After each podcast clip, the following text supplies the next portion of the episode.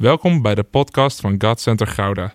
Vanaf deze plek willen we jou inspireren, motiveren en activeren om op een praktische manier je dagelijks leven met God vorm te geven.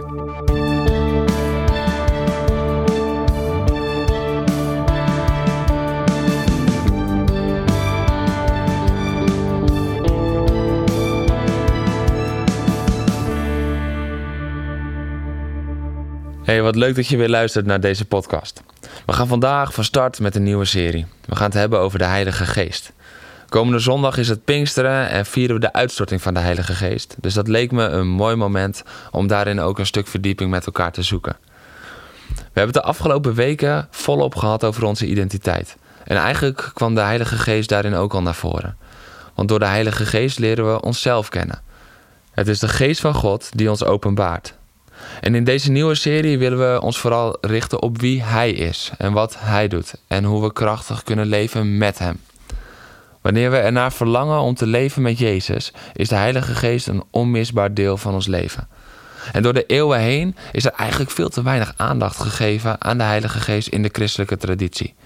Dit heeft ervoor gezorgd dat we de drie-eenheid een klein beetje hebben opgeknipt tussen vader en zoon, die nu heel belangrijk zijn, en de Heilige Geest, die voornamelijk in de tijd van de Bijbel van belang was. Maar dit is een grote fout geweest in de theologie van de kerk. Want zonder de Heilige Geest zijn we niet eens in staat om God te kennen. Alleen de Geest van God stelt ons in staat om God zelf te kennen. De Heilige Geest is net zo'n belangrijk onderdeel van de drie-eenheid als de Vader en de Zoon. Hij is ook een persoonlijkheid. We zien de vader en de zoon eerder als persoon, omdat we dat wat makkelijker kunnen identificeren. Maar de Heilige Geest is geen kracht, wind of regen of vuur. Hij is een persoon en komt in de Bijbel in verschillende vormen naar voren. En zoals de zoon een persoon is, ondanks dat hij ook het licht van de wereld is of het levende woord wordt genoemd, zo is de Heilige Geest ook een persoon, terwijl hij ook water, wind, vuur wordt genoemd. Wanneer we als discipel van Jezus willen leven, is de Heilige Geest onmisbaar. Hij is degene die altijd naar de Vader en de Zoon wijst. We kunnen Jezus kennen door Hem. Hij openbaart wat wij zelf nooit kunnen zien. Zonder de Heilige Geest is de Bijbel voor jou het woord van God. Wanneer de Heilige Geest erover blaast en het leven erin komt, wordt het het levende woord van God. We mogen verlangen naar een intieme relatie met de Heilige Geest zodat we tot een dieper niveau van het kennen van God komen.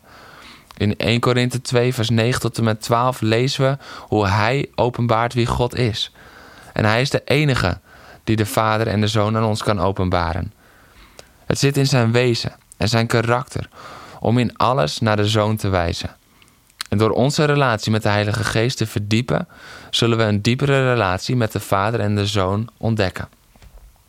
En vanuit dat verlangen willen we de Heilige Geest dieper leren kennen door deze podcast heen. En vandaag wil ik kijken naar een van de belangrijkste facetten. De Heilige Geest is een persoon. En voordat we daar uitgebreid naar gaan kijken, wil ik even een interessant stukje bewustwording over de culturele invloed bij de beeldvorming van de Heilige Geest delen met je. De pneumatologie, dat is de leer aangaande de Heilige Geest, heeft in de Oosterse kerk altijd een groot deel uitgemaakt. Het is zelfs het hart van de theologie daar. In de westerse kerk is de Christologie altijd centraal geweest. Dit is het hart van onze theologie. Christus en zijn werk aan het kruis staan centraal. In de Oosterse kerk staat die pneumatologie centraal. En het is verrijkend om te kijken welke verschillen daardoor ontstaan en hoe ze zijn ontstaan. De Westerse kerk gaat eigenlijk uit van Genesis 3. Hier zien we de zondeval. Het is hetzelfde hoofdstuk als waar God zijn herstelplan al openbaart. Dat zal komen door Jezus Christus, die naar de aarde zal komen. En hij zal voor ons aan het kruis gaan. Hij zal onze zonde dragen, waardoor we genade vinden en de dood ontwapenen, waardoor we opstaan uit de dood met hem, zoals hij ons is voorgegaan. En dan delen we in zijn overwinning. De Oosterse kerk gaat uit van Genesis 1. Er was chaos, duister en dood, en we zien dat de geest van God aanwezig was. Dit is overigens de eerste keer dat de persoon van de drie eenheid van God wordt genoemd. De geest is de eerste die wordt genoemd. En we zien dus dat hij aanwezig is en dat daar orde komt. En God bracht door zijn geest daar herstel. Nu gaan we niet kijken naar wat goed of wat fout is. We gaan niet kijken van oké, moet de geest centraal staan of moet Jezus centraal staan? Dat is de verkeerde vraag stellen. De vraag is, hoe kunnen we de rijkdom van beide omarmen en daardoor tot een dieper niveau komen in onze relatie met de geest en met Jezus? Het verlossende werk van Jezus dat ons redding heeft gebracht. Hij zegt over zichzelf: Ik ben de weg, de waarheid en het leven. Niemand kan tot de Vader komen dan door mij. Johannes 14, vers 6. De Bijbel is duidelijk dat we door het offer van Jezus in genade zijn aangenomen, doordat Hij onze schuld op zich heeft genomen. En we hebben de Heilige Geest nodig om tot dat inzicht te komen. Het is de Geest die overtuigt van zonde, gerechtigheid en oordeel, zegt Johannes 16, vers 8. We hebben de Heilige Geest dus nodig om te beseffen dat we een redder nodig hebben. Hij is het die ons naar Jezus leidt. En wat duidelijk wordt, is dat we niet kunnen zonder de gelijke aanwezigheid van de drie-eenheid. De Vader heeft de Zoon naar de aarde gezonden. De Vader heeft namens Jezus de Heilige Geest naar ons gezonden. Johannes 14, vers 26. Ze werken met elkaar samen in een verbondenheid die ons denken te boven gaat. Ze zijn één, ze zijn drie. Ze zijn continu in liefde met elkaar bezig en aan elkaar verbonden, terwijl ze ook zichzelf zijn. Oké, nu we hebben gekeken naar die Oosterse en Westerse invloed en beseffen dat we allebei de rijkdom daarvan mogen pakken, willen we kijken naar de Heilige Geest is een persoon. We lezen in de Bijbel dat de Heilige Geest spreekt, voelt, denkt, handelt. Het is geen kracht die we kunnen ontvangen, het is een persoon die in ons woont en in ons blijft. En dat is heel belangrijk om te leren over hem. Want de Heilige Geest wordt nog zo vaak gezien als een kracht die op sommige momenten werkzaam is, of een kracht die soms over je komt, maar hij is geen kracht die soms even tevoorschijn komt. Hij is een persoon die in jou woont. En daarom werkt die kracht in je leven uit. Door Pinksteren wordt de Heilige Geest soms nog vaak wat verkeerd geïnterpreteerd. Want toen kwam de Heilige Geest toch? Toen werden ze vervuld en zijn kracht kwam op hun leven. Ja, ze werden toen vervuld. En ja, hun kracht nam toe daardoor. Maar nee, dat was niet het eerste moment van vervulling. Als we alleen de Heilige Geest als Pinksteren gaan zien, dan kijken we vooral naar de kracht van de Heilige Geest. Maar als we ontdekken dat Hij al eerder in het leven van de discipelen kwam, zijn we meer gericht op de persoon van de Heilige Geest. Want de Heilige Geest is namelijk ingeblazen en uitgestort. Ze werden vervuld en bekrachtigd met de geest. Een veelgestelde vraag is: heeft iedere gelovige de Heilige Geest ontvangen? En hier is vaak onduidelijkheid over, omdat er in de Bijbel verschillende momenten worden beschreven dat de Heilige Geest wordt ingeblazen en uitgestort. En het verschil in deze twee woorden is nu juist zo ontzettend belangrijk om te begrijpen hoe dat precies zit. Wij geloven als kerk dat iedereen die Jezus aanneemt als redder en zich bekeert tot Hem, de Heilige Geest ontvangt. Toch hebben we ook momenten dat we bidden voor de vervulling met de Heilige Geest. En dat terwijl we dan bidden voor mensen die Jezus al als redder hebben aangenomen. Hoe zit dat dan? Om daar duidelijkheid over te krijgen, hebben we twee belangrijke momenten in de Bijbel die we naast elkaar moeten leggen. De eerste is Johannes 20, vers 21, waar Jezus na deze woorden blies over hen heen en zei: Ontvang de Heilige Geest. Hier zien we dat de discipelen voor het eerst de opgestane Heer ontmoeten. Dit is in Johannes 20. En dan dezelfde discipelen die ontvangen de woorden van Jezus in Handelingen 1. Wanneer de Heilige Geest over jullie komt, zullen jullie kracht ontvangen en van mijn getuigen in Jeruzalem, heel Judea, Samaria en tot aan het einde van de wereld. En in Handelingen 2 zien we dan ook echt Pinksteren gebeuren en wordt dit werkelijkheid.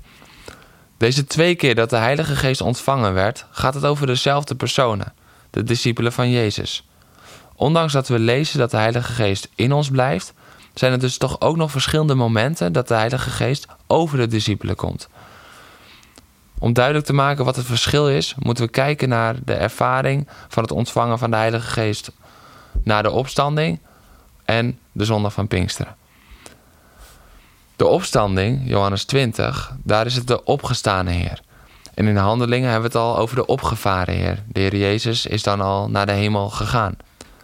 In Johannes 20 zien we dat de geest wordt ingeblazen. In handelingen wordt die uitgestort. Het gevolg van Johannes 20 was leven. Het gevolg in handelingen was kracht. En deze verschillen zijn heel erg belangrijk. Want ze laten ons zien dat de wedergeboorte en de doop in de Heilige Geest twee verschillende ervaringen zijn. Terwijl er bij beide ervaringen sprake is van de aanwezigheid van de Heilige Geest. We geloven dat op het moment dat iemand wedergeboren wordt, hij of zij vervuld wordt met de Heilige Geest. Dat is het moment dat de Geest wordt ingeblazen. En de Geest wekt op dat moment het persoon tot leven. Dit kan enkel door Jezus Christus te erkennen als de opgestane Heer die redding biedt. En de doop in de Heilige Geest is dan die tweede ervaring. In het boek Handelingen zien we vanaf het Pinkstermoment dat deze term, de Heilige Geest ontvangen, alleen wordt gebruikt voor de tweede ervaring, de doop in de Heilige Geest. Een andere verklaring voor deze verschillende momenten zien we in het leven van Jezus zelf. Bij de doop zien we dat de Heilige Geest op hem neerdaalt en dat hij vervuld wordt met de Heilige Geest. En vervuld van de Geest wegtrok uit de Jordaan. Na een tijd van vasten in de woestijn en het weerstaan van de verleidingen van de duivel, keert hij gesterkt door de Geest terug naar Galilea. Zelfs Jezus had de vervulling met de Heilige Geest en de bekrachtiging met de Heilige Geest nodig. Dit kan je lezen in Lucas 3 en 4. We zien dus duidelijk dat de Heilige Geest in ons woont vanaf het moment dat we ons leven aan Jezus hebben gegeven. Wanneer we de opgestane Heer ontmoeten, wordt de Geest als het ware ingeblazen. En op een ander moment kan de Heilige Geest over ons worden uitgestort, zoals in handelingen. Dit is overigens niet iets wat maar één keer gebeurt in je leven. Dit kan ook vaker gebeuren. Want de discipelen die in handelingen 2 werden vervuld en waar de geest over ze werd uitgestort, zien we dat in handelingen 4 dat ze gewoon weer zo'n ervaring hebben. Laten we even teruggaan naar de Heilige Geest als een persoon. Een ander verzet van de persoon van de Heilige Geest is dat je hem kan bedriegen of bedroeven of lasteren, zoals in Handelingen 5 vers 3, Matthäus 12, Efeze 4 wordt gezegd. Dit zijn dingen die je niet bij een kracht kan doen, dit kan alleen bij een persoon. De Heilige Geest verlangt ernaar om met jou te wandelen en je vriend te zijn. Zoals we Jezus onze vriend noemen, verlangt de Heilige Geest ernaar om onze vriend te kunnen zijn. Hij wilt je leiden, onderwijzen, helpen. Hij wilt je in elke situatie raad geven en wijzen op de aanwezigheid en de wil van de Vader en de Zoon. De Heilige Geest wordt in de Bijbel veelal genoemd samen met de Vader en de Zoon. Kijk al naar Matthäus 28. Wanneer we kijken naar hoe de discipelen nieuwe discipelen moesten maken, onder andere met de doop, dan zien we dat ze moesten dopen in de naam van de Vader, de Zoon en de Heilige Geest. Ook in de afsluitende zegen die Paulus in de tweede brief aan de Korinthe schrijft, zien we de Heilige Geest gelijk geplaatst met de Vader en de Zoon. Hij is niet de mindere derde. Hij is niet alleen maar belangrijk om de Vader en de Zoon te laten zien. Hij is een onmisbaar persoon. 2 Korinthe 13, vers 13. De genade van de Heer Jezus Christus, de liefde van God en de eenheid met de Heilige Geest zijn met u allen. Je kan niet één zijn met een kracht, je kan alleen één zijn met een persoon. En die eenheid, daar verlangt de Heilige Geest naar met jou. En ik wil je vandaag uitdagen om je blik op de Heilige Geest te vormen naar wie Hij daadwerkelijk in je leven is. Misschien heb je hem heel lang vooral gezien als de kracht van God hier op aarde. En ben je ook wel zo met hem omgegaan. Maar hij is een persoon en hij verlangt naar een relatie met jou. Hij is meer dan die kracht. En hoe doe je dat dan praktisch? Ik bid bijvoorbeeld ook tot de Heilige Geest. Want hij is een deel van die drie eenheid. Dus ik spreek ook met hem. En juist op de gewone momenten richt ik me ook op hem. Zo vaak doen we het als we kracht of wijsheid of inzicht nodig hebben. Maar ook in de alledaagse momenten met hem praten is heel waardevol. En nog een praktische tip: schrijf ergens gewoon op waar je het regelmatig terugziet dat de Heilige Geest een persoon is. Want zo vaak is hij het ondergeschoven kindje, maar hij is net zo een derde van de drie eenheid als de Vader en als de Zoon. Het is waard om in hem te investeren, in onze relatie met hem te investeren. Hij is het waard als persoon. Ik hoop dat je vandaag weer genoten hebt van het eerste deel van deze nieuwe serie over de Heilige Geest. Volgende week gaan we daarmee verder. Ik zou zeggen, ga er praktisch mee aan de slag. En ik zie je volgende week weer.